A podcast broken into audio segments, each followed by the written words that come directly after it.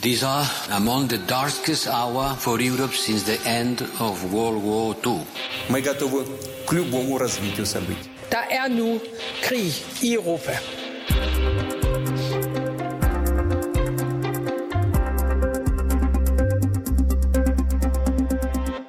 Kina var i går vært for det årlige topmøde mellem BRICS-landene, der foruden Kina selv tæller Brasilien, Rusland, Indien og Sydafrika. Og Kina har travlt med at mobilisere ikke-Vesten, så at sige. Det samme har Rusland, der, som Putin sagde i forbindelse med topmødet, er ved at omdirigere deres handel og olieeksport. Putin er tvunget til at søge nye markeder grundet krigen i Ukraine, og de vestlige sanktioner og leder derfor blandt andet sin olie hen mod BRICS-landene. Og Rusland er således nu blevet Kinas største leverandør af olie. Du lytter til Krig i Europa, hvor vi i dag skal se nærmere på forholdet mellem de to stormagter, Kina og Rusland. Et kompliceret forhold, men meget tyder på, at de to lande har brug for hinanden, især i konfrontationen mod Vesten. Mit navn det er Cecilie Lange. Jeg hedder Alexander Vils Lorentzen. Kasper Wigman, godmorgen og velkommen til dig. Tak skal du Du have. er daglig leder i den danske Kina-tænketank Think China, og også velkommen til dig, Camilla Nørup Sørensen. Tak skal du have. Du er lektor på Institut for Strategi og Krigsstudier ved Forsvarsakademiet med særlig fokus på Kina. Øh, lad os starte hos dig, øh, Kasper Wigman. Hvad blev du mest mærke i ved BRICS-topmødet i går? Ja, man kan sige, at en af de mest bemærkelsesværdige ting er, at det overhovedet finder sted øh, i den her tid. Og det er jo interessant også, at, at BRICS, altså man tror mange i Vesten også vil tænke sådan, at er det ikke passé? Var det ikke noget, vi talte om for, for 12 år siden? At den her alliance, den ligesom begynder at samle sig igen. Også især som en, som en modpol, som vi også ser, som jeg også tror er noget af det, Xi Jinping og Putin også gerne vil have. Og så er det selvfølgelig også meget interessant, at, at Indien er med, at Modi er med. Altså vi anser jo Indien for at være verdens største demokrati. Hvad laver de i, sammen med Xi Jinping og sammen med Putin? Og hvad med dig, Camilla Nørup Sørensen? Hvad blev du øh, mest mærke i ved topmødet i går? Men egentlig meget, meget det samme, som Kasper er, er inde på. Ikke? Altså, jeg sad længe og egentlig bare så på billeder af de her fem øh, statsledere, øh, som jo repræsenterer øh, 3 milliarder mennesker og en fjerdedel af, af, af verdensøkonomien. Ikke? Øh, på den her måde, altså det, at de holder BRICS-topmødet, der trodser de jo alle forsøg, kan man sige, fra Vesten, fra USA og Europa på at isolere og fordømme Putin. Øh, Så det understreger, hvordan den verdensorden, vi, vi, vi kendte eller har kendt siden den kolde krig, øh, hvor, hvor Vesten, hvor USA dominerede, ja, den, den, den, den er på hastig tilbagegang, hvis ikke, øh, hvis ikke helt forsvundet. Ikke? Øh, så, øh, så det er egentlig det stærkeste, hvad kan man sige, der står tilbage, det stærkeste indtryk, der står tilbage efter, efter mødet i går. Det lader jo til, at både Kina og Rusland er interesseret i at styrke båndene mellem BRICS-landene. Er det af de samme øh, grunde, øh, Camilla øh, Nørup Sørensen? Jamen overordnet er det, øh, kan man sige, altså overordnet er det øh, modsvaret til Vesten, der er vigtigt, altså vise, at, at netop som jeg var inde på, den her, den her periode, ikke, hvor Vesten ret enrådigt har kunne sætte spillereglerne i det internationale system, den vil de vise, at den er slut. Øh, de, det, det, fælles, det, det fælles statement, den fælles udtalelse, der kom ud efter topmødet i går, der understreger de, at BRICS skal fremme en ny æra for global udvikling. Øh, den skal, de skal være med til at styrke og reformere global governance, altså internationale institutioner, internationale spilleregler. Og det er jo næsten så tydeligt, som det kan siges. Ikke? Altså de, de, de vil have større indflydelse, øh, de vil have mere skulle have sagt. De finder sig ikke længere i, at det er, er, er Vesten, altså særligt USA, der sådan enrådigt forsøger at, øh, ja, at afgøre, hvad der er godt og skidt øh, i det internationale system, hvem der er de gode og de onde. Øh, det finder de sig øh, ikke længere i. Den kinesiske leder øh, Xi Jinping øh, kaldte sanktioner for en boomerang og et tveægget svær. Hvordan skal det forstås, øh, Vigman? Jamen, det skal jo forstås som, at man ikke vil have, at Vesten bruger det som et, som et våben. Xi var også ude og sige, at USA og Vesten er i gang med at bruge verdensøkonomien som et våben. Altså, kineserne, især Xi Jinping, er meget interesseret i, at vi stadigvæk har verdenshandel som normalt, og især også, at Kina ikke selv bliver ramt af sanktionerne. For det er især det svært, der, om det er tvirket eller ej, som hænger overhovedet på Kina og Xi Jinping med, at hvis Kina på nogen måde går ind og afbøder de sanktioner, der er blevet indført over mod Rusland, så er, er det Kinas tur næste gang. Han advarede også mod at styrke militærbånd. Hvorfor det? Det er jo også fordi, at Kina også er presset især i, i Indo-Pacific-regionen og, og Quad, og det er også noget, Camilla kan snakke meget mere om. Altså, så det er et modsvar også til det, man ser USA gøre i verden. Altså, der, der svarer Kina også igen, og ligesom prøver at styrke sig selv også, og de kan jo godt se, at, at der bliver styrket militært også, især også med NATO, hvor der muligvis, man regner med, at, at næste NATO-mål mål i godsøjne vil være Kina, fokus vil være rettet der. Det lader jo til, at vestens sanktioner mod Rusland har fået russerne til blandt andet at vende sig mere mod det kinesiske marked. Det skal vi så nærmere på lidt senere, hvor vi får et indspark fra en handelsekspert. Men inden vi gør det, så lad os lige se lidt nærmere på, hvad det er for et forhold, der er mellem Kina og Rusland lige nu. Og vi bliver lige hos dig, øh, Kasper Wigman, et øjeblik. Øh, lad os starte med forholdet mellem Xi Jinping og Putin. Hvordan er det? Det er jo rigtig godt. Altså, Xi Jinping har jo kaldt øh, Putin for hans lavpangjov, hans gode gamle ven. Og altså, så sent som i sidste uge ringede Putin til sige for at lykkeønske ham med fødselsdagen, så de har et tæt bånd også, og det er jo især blevet bragt tættere sammen efter invasionen af Ukraine, og vesten som pres og forsøg på at isolere Rusland og Putin. Så Putin er også enormt presset. Jeg tror, Xi Jinping har også sit at se til hjemme i Kina også, men også udad til. Så på den måde kan de lidt finde hinanden i, i det her forhold, og, og Kina også vil gerne bruge, Xi Jinping vil gerne bruge Rusland i kampen mod den her verdensorden, som man søger at omforme. Camilla Nørup Sørensen, få dage inden den russiske invasion, der erklærede de to lande, at deres venskab ikke har nogen grænser. Men så kom invasionen, noget Kina ikke kunne give Rusland sin fulde støtte til. Øh, hvorfor egentlig ikke? Ja, det er der mange vigtige grunde til. Øh, vigtigst og sådan samlende for de forskellige interesser, øh, som Kina har, det er jo egentlig, at det ikke er i Kinas egen nationale interesse øh, at støtte entydigt op om Rusland, og det er ikke nødvendigt, øh, kan man sige. Øh, så, øh, og, og, og hvis jeg skal komme lidt ind på nogle af de grunde, ikke, altså, så kan man sige, at, at det stillede jo umiddelbart Kina i en svær position, altså den russiske invasion, fordi det jo var så klart et brud øh, med suverænitetsprincippet, altså at, at, at man ikke går ind og invaderer et, et andet suverænt land.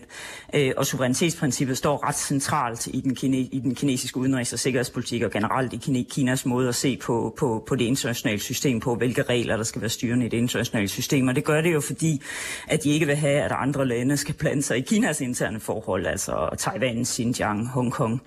Øhm, og så havde de faktisk også øh, øh, et ret godt forhold til Ukraine. Altså Ukraine var en form for brohoved ind øh, øh, i Europa for kineserne. De har investeret ret massivt i Ukraine, og generelt i, i landene omkring. Ikke? Og det øh, blev også virkelig øh, øh sat, øh, sat under pres øh, med den russiske invasion.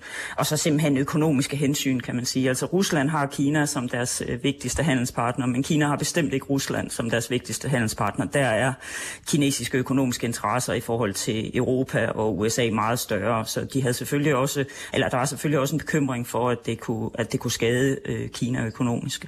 Kasper Wigman, de har dog alligevel bakket Rusland op på andre måder. Altså, hvordan ser den her indirekte støtte ud?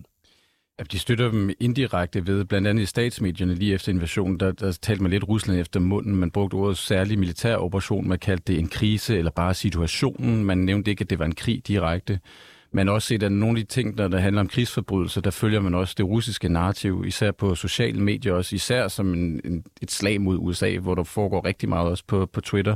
Så på den måde støtter man de her narrativer også for Rusland. Altså man prøver ligesom også at hjælpe dem med at, med at afbøde os og tale imod Vesten og sige, at sanktioner skal ikke bruges. Det, det skal ikke være noget, økonomien skal ikke være et våben. Så på den måde prøver de at støtte Rusland indirekte. Altså de har jo så sent også bygget en, en bro altså mellem Kina og Rusland, så mens resten af verden er i gang med at fordømme øh, Rusland, der bygger Kina og Rusland broer mellem hinanden, altså både fysisk og også mentalt.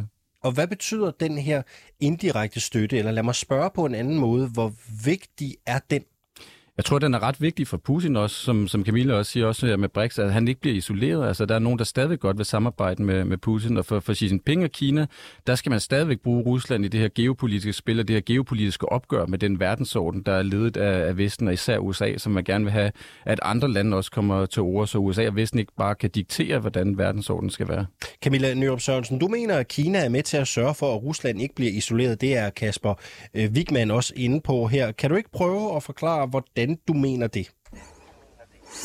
Ja, men udover det, som, som Kasper lige siger, så er det også vigtigt, øh, altså i sådan, nogle, i sådan nogle store fora, som, som i FN for eksempel, ikke? altså det, at Kina, som, øh, som er en stormagt, øh, enten afstår fra at stemme, eller stemmer imod resolutioner øh, vendt mod Rusland, jamen det gør det jo også, hvad kan man sige, øh, lettere, øh, mere legitimt for andre mindre lande øh, og, og, og, og, gør, og stemme på samme vis. Ikke? Altså, øh, øh, på den måde er de ikke alene, kan man sige. De har en stormagt, der står foran. Øh, hvis man ligesom som et lille land stemmer imod noget, som alle de andre, store, øh, alle de andre især alle de andre store lande øh, støtter, jamen så er man mere øh, øh, udsat, kan man sige. Ikke? Så, så på en eller anden måde, så er det her med til, øhm, eller kan det her, altså Kina forsøger jo også at gøre det ret aktivt, altså mobilisere andre lande, men det er på en eller anden måde også et, et værn, kan man sige, som andre lande kan, kan holde op for sig, ikke? når de ligesom skal, skal argumentere for, øh, hvorfor de øh, stemmer, som de gør, for eksempel i FN. Øh, Vigman, øh, prøv lige at forklare os, hvad er det egentlig, der binder Kina og Rusland mest sammen? Jamen, det er den her geopolitiske interesse, øhm, fordi at man kan sige, i forholdet, især nu efter invasion, der er Rusland et lillebror i det her forhold. Og man kan sige, at Rusland er jo også meget rart at have så stor en støtte som, som Kina, som jo har nogle økonomiske og også militære muskler, der kan ligesom har en, en stærk stemme også, og har en stor geopolitisk indflydelse også især i altså, Afrika blandt andet, Latinamerika, så det skal Rusland jo også bruge. Og nu hvor de er blevet isoleret, så kunne man godt forestille sig, at de også får brug for kinesisk teknologi, hvor Kina jo er førende på mange områder og kan hjælpe Rusland, altså 5G, 6G, alle de her ting, hvor Rusland bliver meget, meget presset nu. Hvor meget er det hadet til Vesten og USA, der binder Kina og Rusland sammen? Jeg ved ikke, om, om hadet det direkte, det er måske så meget sagt, men det er den her verdensorden, som vi har set med USA som eneste supermagt. Altså det, det ligger ret meget på sinde også i kinesisk udenrigspolitik, og er en vigtig strategi for Xi Jinping og Putin. Kasper Wigman, du er daglig leder i den danske Kina-tænketank Think China, og Camille Nyrup Sørensen, du er som sagt lektor på Institut for Strategi og Krigsstudier ved Forsvarsakademiet. I med hele udsendelsen her til formiddag, og vi vender tilbage til jer, efter vi lige har set nærmere på den her øgede handel med olie mellem Rusland og Kina.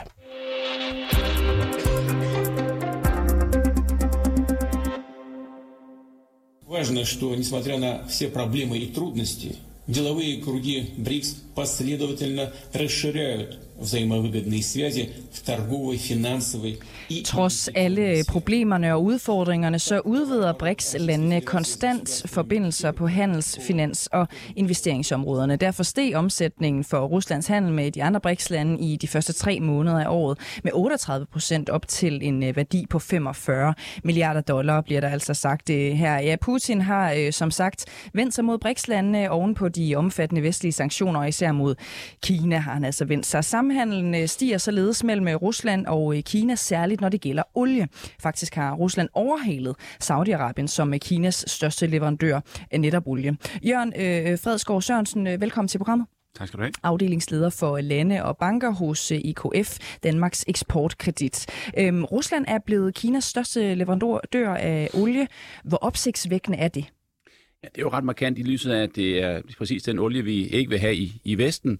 Så står Kina og er parat til at overtage den øh, eksport fra Rusland, øh, og det holder jo hånden under den øh, russiske betalingsbalance. Og, og det er sket ret hurtigt, så det er ret øh, bemærkelsesværdigt. Er folk i, i dit øh, miljø, har de siddet med åben mund og, og polyper, eller hvad har, øh, hvordan har det været at følge det her?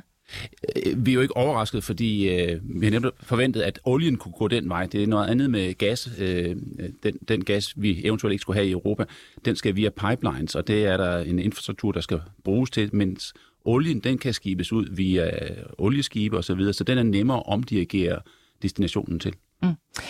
Hvad har det af betydning for den internationale oliehandel, altså at vi har set det her skifte? Øh, det holder jo hånden under oliepriserne, øh, må man sige, for Rusland, øh, selvom de må sælge det til en billigere pris til Kina, fordi også Kina er trods alt bange for den sanktionsrisiko, der er fra Vesten. Så de går den her balancegang i Kina. Men, men Rusland får jo gavn af den forhøjet oliepris, der er, selvom de må sælge den med rabat til Kina. Og du er inde på det nu. Altså, russerne sælger deres olie billigere end markedsprisen, så at sige. Ja. Øh, forklar lige det. Jamen, øh, der er jo en, en vis sanktionsfare ved at købe den, den russiske olie, og øh, Kina går den her balancegang. Øh, jeg synes, de er måske lidt opportunistiske i det her. Ikke? De vil holde sig fri af de vestlige sanktioner, ikke gå med på dem, som vi også lige hørte her. Men på den anden side, så er der en, en, en grænse for deres manøvrerum, og de vil ikke gøre hvad som helst, og dermed risikere at pådrage sig vestens vrede. Og derfor ser vi også, at nogle af de store statslige kinesiske banker, de holder sig tilbage med at finansiere og foranstalte den her handel. og i stedet for er det nogle af de mindre kinesiske banker, som, som står for handlen, øh, som ikke har det samme og risikerer i Vesten. Så når øh, vi ser den her rabat, som, som du kalder det tidligere, og øh, som jo er en øh, fordel jo også for, øh, for Kina grundet øh, omstændighederne, hvordan foregår sådan en, øh, en samtale om, hvor prisen skal ligge mellem to af verdens stormagter? Det er et godt spørgsmål. Jeg kunne godt tænke mig at have været en flue på væggen i det øh, lokale der. Det har jeg ikke været. Øhm, øh, så det, det får jeg egentlig svært ved at, at, at fortælle om. Øh, det, det, jeg synes bare, man kan se, at øh, Kina øh, tager de muligheder, de, de har. Det gør de som regel, når det handler om international politik og international handel, så står de parat til at, at, at, at gøre brug af de muligheder, de har der. Gør kineserne Rusland en, en tjeneste ved at købe den her olie? Ja, det gør de jo, kan man sige, fordi øh, den russiske betalingsbalance er jo i, i fin, fin form. Øh, det var jo meningen at skulle ramme Rusland, de sanktioner, vi indfører fra Vesten, men, øh, men betalingsbalancen er jo, har jo et kæmpe overskud. Rublen er tilbage på et stærkere niveau end dengang øh, de startede invasionen i Ukraine. Den faldt kraftigt derefter, men nu er den tilbage.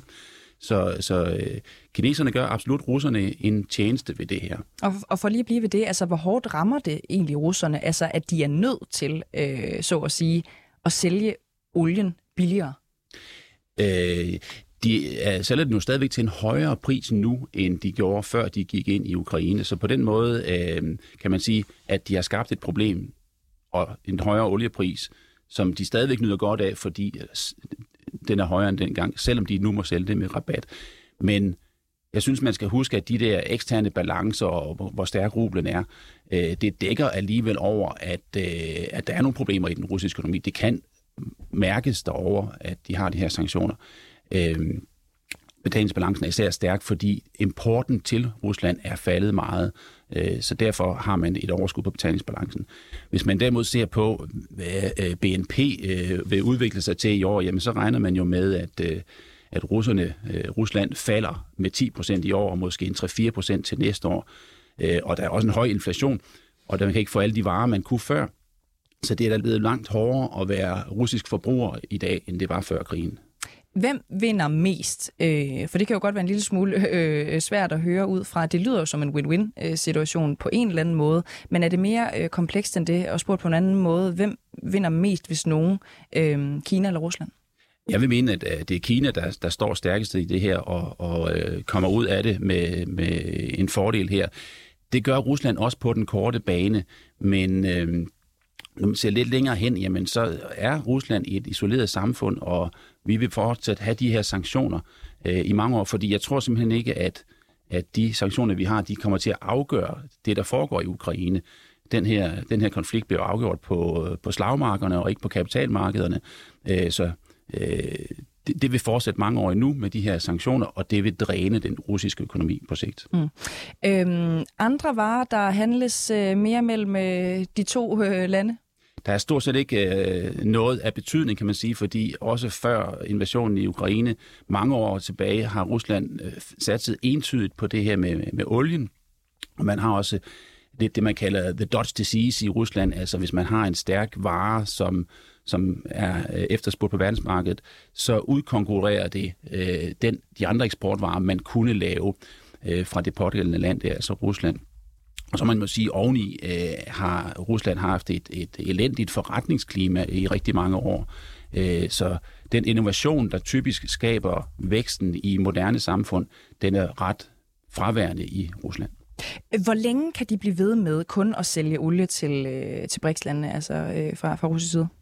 Det kan de blive ved med ret længe. Øh, de har masser af det, og, og hvis øh, de her BRICS-lande, specielt Kina og, og Indien, kan gå den her balancegang, at de kan vedblive med at købe olien, uden at pådrage sig vestens vrede, og vesten vil begynde at prikke til dem, og måske endda indføre nogle sanktioner. Øh, det ser jeg heller ikke lige komme. Og så længe de går den balancegang, så kan det her egentlig fortsætte i lang tid. Du skal lige tænde for din egen mikrofon. Jamen, jeg vil bare, jeg, undskyld, det er rigtigt. Kan, kan de blive ved med at gå den balancegang? Hvad, hvad tror du er, er realistisk? Det, øh, det tror jeg. Jeg tror, at Kina, de, er jo, de har altid de lange briller på, og, og øh, de er ikke i det her for at hjælpe Rusland som sådan. De er i det her for at hjælpe sig selv. Øh, når de ser en fordel ved at købe noget, noget øh, billigt, relativt billigt russisk olie, øh, Og så vil de jo holde sig fri af den her konflikt på en måde, så de er fri til at, at reagere på den verdenspolitiske scene, som de vil. De har et issue med Taiwan, de synes er langt vigtigere, end at skulle hjælpe Rusland. Mm. Så de vil holde sig tilbage, hvis det skulle komme helt derhen til kanten af, hvor EU og USA siger, ikke længere jamen, så vil det være noget, der, der vil høres i Kina, hvis det skulle true de vigtige planer, de har. Kasper Wigman, lad os også lige prøve at spille den øh, videre til dig, altså daglig leder i den danske øh, Kina-tænketank øh, Think China. Øh, og, og, og bagefter tror jeg også, jeg kommer til at spørge dig, øh, Camilla Nørp Sørensen, så du kan godt øh, holde dig øh, frisk på, øh, på, på duberne. Er I overrasket over egentlig, at Kina tager så meget øh, fra i forhold til øh, den russiske olie? Nej, man kan sige, at Kina har stadig også et, et voldsomt øh, energibehov, og det er blandt også olie. Altså når man så også kan hjælpe Rusland på den måde, og så også støtte Putin på den måde, altså så, så går det helt lidt op i en højere enhed, så det er ikke overraskende, at de, de tager så meget olie fra Rusland. Mm. Samme spørgsmål til dig, Camilla Nørup Sørensen. Er det her noget, der kommer bag på dig? Nej, det, det er det ikke, og vi så faktisk nogenlunde samme, øh, øh, hvad kan man sige, mønster efter, efter øh, den russiske, øh, hvad hedder det, overtagelse af Krim i 2014. Altså at Kina, at Kina ligesom øh, benytter muligheden til at få nogle bedre, mere attraktive set for Kina aftaler med russerne i forhold til, øh, til russisk energi. Øhm, Kasper Wigman, vi hører jo også her fra øh, Jørgen øh, Fredsgaard Sørensen, at øh, russerne tager den lige til grænsen. De vil helst ikke øh, rammes af de der øh, voldsomme sanktioner, men de prøver lige at se, hvor langt kan vi trække den. Øhm, er de opportunistiske? Er de øh, lidt for øh, positive i forhold til øh, deres risikovurdering af de sanktioner, de potentielt står overfor?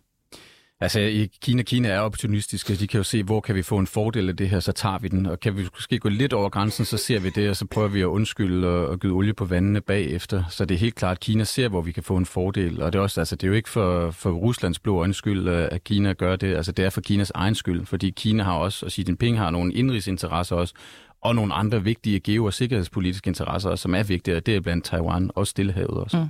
Camilla Nørp Sørensen, øh, for et kort øjeblik øh, siden, der spurgte jeg jo øh, Jørgen Fredsgaard Sørensen, hvordan den der samtale foregår, når man skal havne på en eller anden form for øh, rimelig pris med et Rusland, som øh, kæmper lidt med tingene for tiden. Kina vil gerne bevare de, de gode forhold, men er jo, som vi også hører flere gange her, opportunister og vil gerne have en, en færre pris.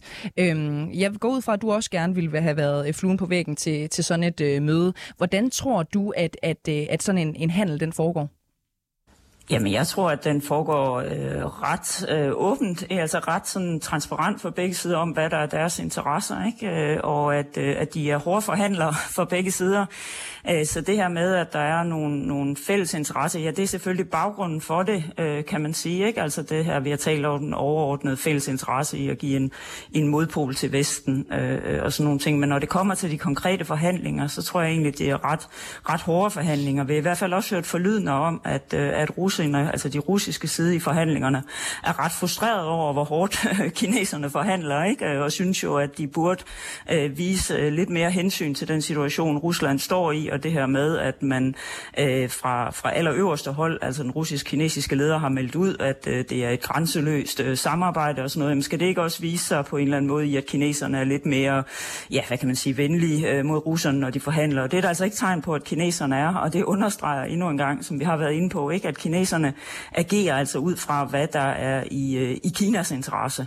Øh, og det er at få de bedst mulige handler, øh, når de går ind i forhandlingerne med russerne. Jørgen Fredsgaard øh, Sørensen, du er stadig med os helt kort øh, her til sidst, inden jeg, inden jeg slipper dig. Hvad skal vi holde øje med her i, i løbet af, af de næste par uger og måneder? Jeg synes måske i virkeligheden, man skal holde lidt mere øje med Indien, øh, for nu at skifte fokus lidt, fordi øh, Kina øh, gør lidt, som man kunne forvente, tror jeg her, mens øh, det land, der ligger måske mere på vippen og har stor geopety- geopolitisk betydning i Asien, er jo Indien. Altså det vil være en, en katastrofe for Vesten, hvis, hvis Indien ligesom bliver trukket ind i en, en klub med Rusland og, og Kina. Øh, det skal vi mere holde øje med, tror jeg. Jørgen Fredsgaard Sørensen, afdelingschef for lande og banker hos EKF, Danmarks Eksportkredit. Øh, mange tak, fordi du var med på programmet i dag. Vi er stadigvæk Kasper Wigman og Camilla Nyrup Sørensen med i studiet. Og Camilla Nyrup Sørensen, har Ruslands invasion af Ukraine været et vendepunkt i forholdet mellem Kina og Rusland? Nej, det synes jeg ikke, det har. Altså, den her tilnærmelse og et styrket samarbejde på, på et væld af områder, vi har set mellem Kina og det her, det har vi set mellem Kina og Rusland over, over det seneste årti.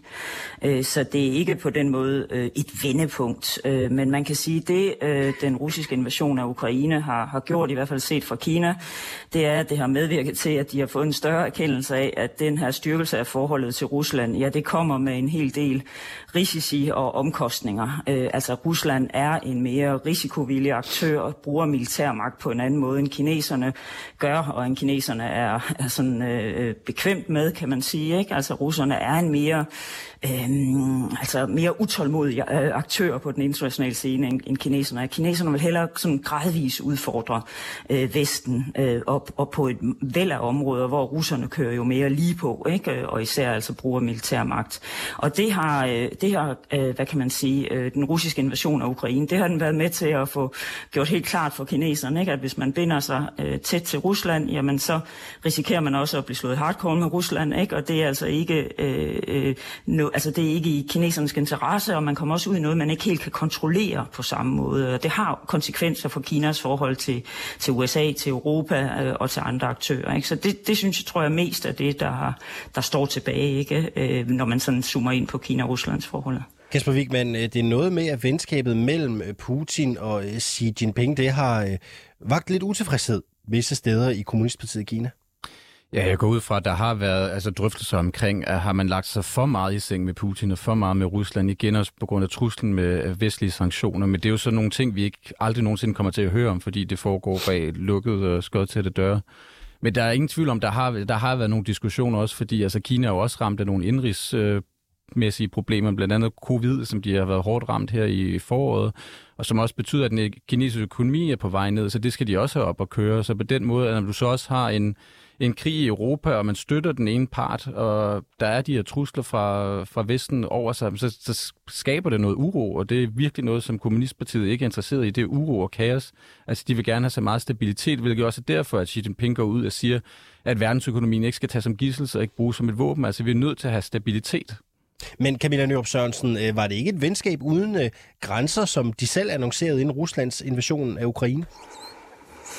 Uh, nej, det var det så ikke. Det var nok slået for, uh, for stort op, ikke? Altså, uh, Øhm, det er øh, varetagelsen af kinesiske og russiske interesser, der driver det her øh, samarbejde. Og man kan sige, at de falder sig sammen på nogle punkter, men de er jo ikke sådan forpligtet til at bakke op om hinanden. Øh, og det er jo igen det, som, som øh, den kinesiske reaktion på, på den russiske invasion af Ukraine har vist. Øh, der, var, der er en kinesisk øh, topdiplomat, øh, Fu Ying, som for et par år siden skrev om det her russisk-Kina, øh, rus- samarbejde mellem Rusland og Kina, at Rusland og Kina er ikke altid sammen sammen, men de er sjældent mod hinanden. Og det synes jeg egentlig stadig rammer meget godt øh, øh, den dynamik, og også egentlig den øh, gensidige forventning, der er øh, i forholdet. Det er ikke nogen alliance, der er ikke nogen artikel 5 øh, øh, i det her samarbejde. Altså det er ikke sådan, at man er forpligtet til at bakke op øh, om hinanden. Men der er så en, et, et et voksende, øh, øh, et voksende område, kan man sige, eller voksende mængde af områder, hvor det faktisk er i hver deres interesse at bakke op om hinanden, og det er det, vi ser. Så der er jo altså en form for grænser, og lad os da bare lige se på dem, Camilla Nørup Sørensen. For det første, så er samarbejdet mellem Kina og Rusland jo ikke et forsvarssamarbejde. Hvorfor egentlig ikke? Jamen netop fordi, som jeg var inde på, at det egentlig ikke er i deres interesse. Hverken, altså man kan sige, det er måske lidt mere i, øh, i Ruslands interesse at, at bringe det ind til et egentligt øh, forsvarssamarbejde. Altså hvis vi med et forsvarssamarbejde forstår en, en egentlig alliance, hvor man også øh, får noget, der ligner det, vi har i NATO, altså en artikel 5, hvor vi ligesom forpligter os til at støtte op omkring hinanden. Øh, hvis, øh, altså det, og det er Kina ikke interesseret i, og det hænger lidt sammen med det, som, som Kasper nævnte tidligere, ikke? at øh, Rusland og Kina står i, i hver deres deres nærområde over for nogle, nogle udfordringer. Og det er der, de har fokus. Altså Rusland har fokus i Europa på at håndtere øh, NATO øh, i Europa og NATO-udvidelse. Og Kina har fokus i Asien på at håndtere øh, den måde, som, øh, som, som set, fra, set fra Beijing, den måde, som USA har, øh, har styrket det øh, øh, militære samarbejde og strategiske partnerskaber i Kinas nærområde. Øh, det ser de som øh, amerikansk ledet forsøg på at, at, at inddæmme og holde Kina Kina øh, nede, øh, og det er det, de har fokus på at modvirke. Øh, så, så der er ikke, altså de, har, de, del, de deler det her overordnede fokus med at give et modsvar til, til Vesten, med at presse for en, øh, en verdensorden, hvor de i højere grad har, øh, har indflydelse. Men men det er ikke, når man så kommer ned på det konkrete, så, så har de forskellige fokus. Øh, øh, men dermed ikke sagt, at vi ikke ser et styrket samarbejde på sikkerhedspolitik og på militær øh, og, og også på teknologi. Men jeg synes dog, at, øh, at vi ser kineserne være mere påpasselige øh, med, hvad de vil dele med russerne her øh, de seneste måneder. Altså ifølge IMF, så er den kinesiske eksport til Rusland øh, øh, faldende næsten halveret fra januar øh, i år til april i år. Ikke? Og det kineserne primært eksporterer til, øh, til Rusland, det er teknologi. Øh, og det er jo sådan dual-use teknologi, altså teknologi, der både kan bruges civilt og militært. Øh, og der er kineserne altså mere påpasselige, og det er de selvfølgelig, fordi at de er bange for ellers at blive, blive ramt af sanktioner selv selv, altså de her, det, det som vi talte om tidligere. Øh, Camilla Nøb Sørensen, lad os lige blive ved dig, fordi samarbejdet mellem de her to stormagter har tydeligvis sine begrænsninger. Men hvor vigtigt er det her samarbejde egentlig for de to lande? Jamen, det er, øh, det er vigtigt, øh, men mindre på det konkrete indhold af samarbejde, end på det signal, de ønsker at sende til, til USA og Vesten. Altså det her med, at Vesten skal, skal nu indse, at de er færdige med at, at belære og sætte reglerne. Ikke? Øh, og der har de brug for hinanden, øh, øh Rusland og Kina, og også nogle af de andre øh, lande, kan man sige, øh, som vi så. Indien er, er jeg enig med Jørgen øh, øh, Sørensen om, at dem er vi nødt til at fokusere noget mere på, for de står lidt mere på vippen, men vil være ret afgørende, hvor de, øh, øh, hvor de ligesom, hvad vej de hælder her. Ikke? Men, men altså Kina og Rusland øh, har brug for hinanden øh, i den her overordnede konfrontation med, øh, med USA, og så er det så, at de har deres fokus på henholdsvis Europa og på, på Asien, men det er nogle af de samme udfordringer, de mener, de står overfor. Altså et, set fra dem, øh, mere øh, aggressivt, mere frembrusende Vesten, som man skal skubbe tilbage øh, på. Kasper Wigman, du mener jo, at Rusland bliver mere afhængig af Kina og deres alliance. Hvad kan Kina bruge den afhængighed til? Det er jo meget godt at have en, der er afhængig af en, og især også af ens teknologi også, fordi så har Xi Jinping netop, altså er han sikker på, at han har en støtte i Rusland også, og ligesom kan måske ikke direkte, men indirekte aftvinge Rusland til at gå med på nogle kinesiske initiativer. Netop fordi, at Rusland er så presset. Altså nu er at den russiske økonomi så stadigvæk et spørgsmål, hvor, hvor hårdt de her vestlige sanktioner egentlig rammer, når det kommer til stykket, når man stadigvæk kan sælge olie. Men altså, Kina kan jo sælge sin teknologi også, og overvågningsteknologi, som de også eksporterer til andre lande. Men især sådan 5G og 6G, og når vi kommer til at udvikle de her ting, og IoT, altså Internet of Things, hvordan hele samfundet bliver indrettet, det har kineserne ret meget styr på at føre inden for den teknologi. Så det, jeg tror heller ikke, Putin er glad for at blive så afhængig af Kina. Ganske kort her til sidst. Er det her starten på en ny verdensorden, Kasper? Ja, det vil jeg sige, den har man egentlig set komme sådan før også, men det bliver virkelig accelereret nu af krigen i Ukraine. Og det skal være helt kort, Camilla Nørup Sørensen. Vi har 20 sekunder. Er det her starten på en ny verdensorden? Øh, det er ikke starten, som Kasper siger. Det har været i gang længe, øh, men øh, det gør i hvert fald, at vi også øh, får øjnene op for det, og det skal vi bestemt tage øjnene op for. Så lød det her til morgen fra Kasper Wigman, der er daglig leder i den danske Kina-tænketank Think China, og Camilla Nørup Sørensen, der altså er lektor på Institut for Strategi og Krigsstudier ved Forsvarsakademiet. Tak til jer begge to, fordi I var med her til morgen.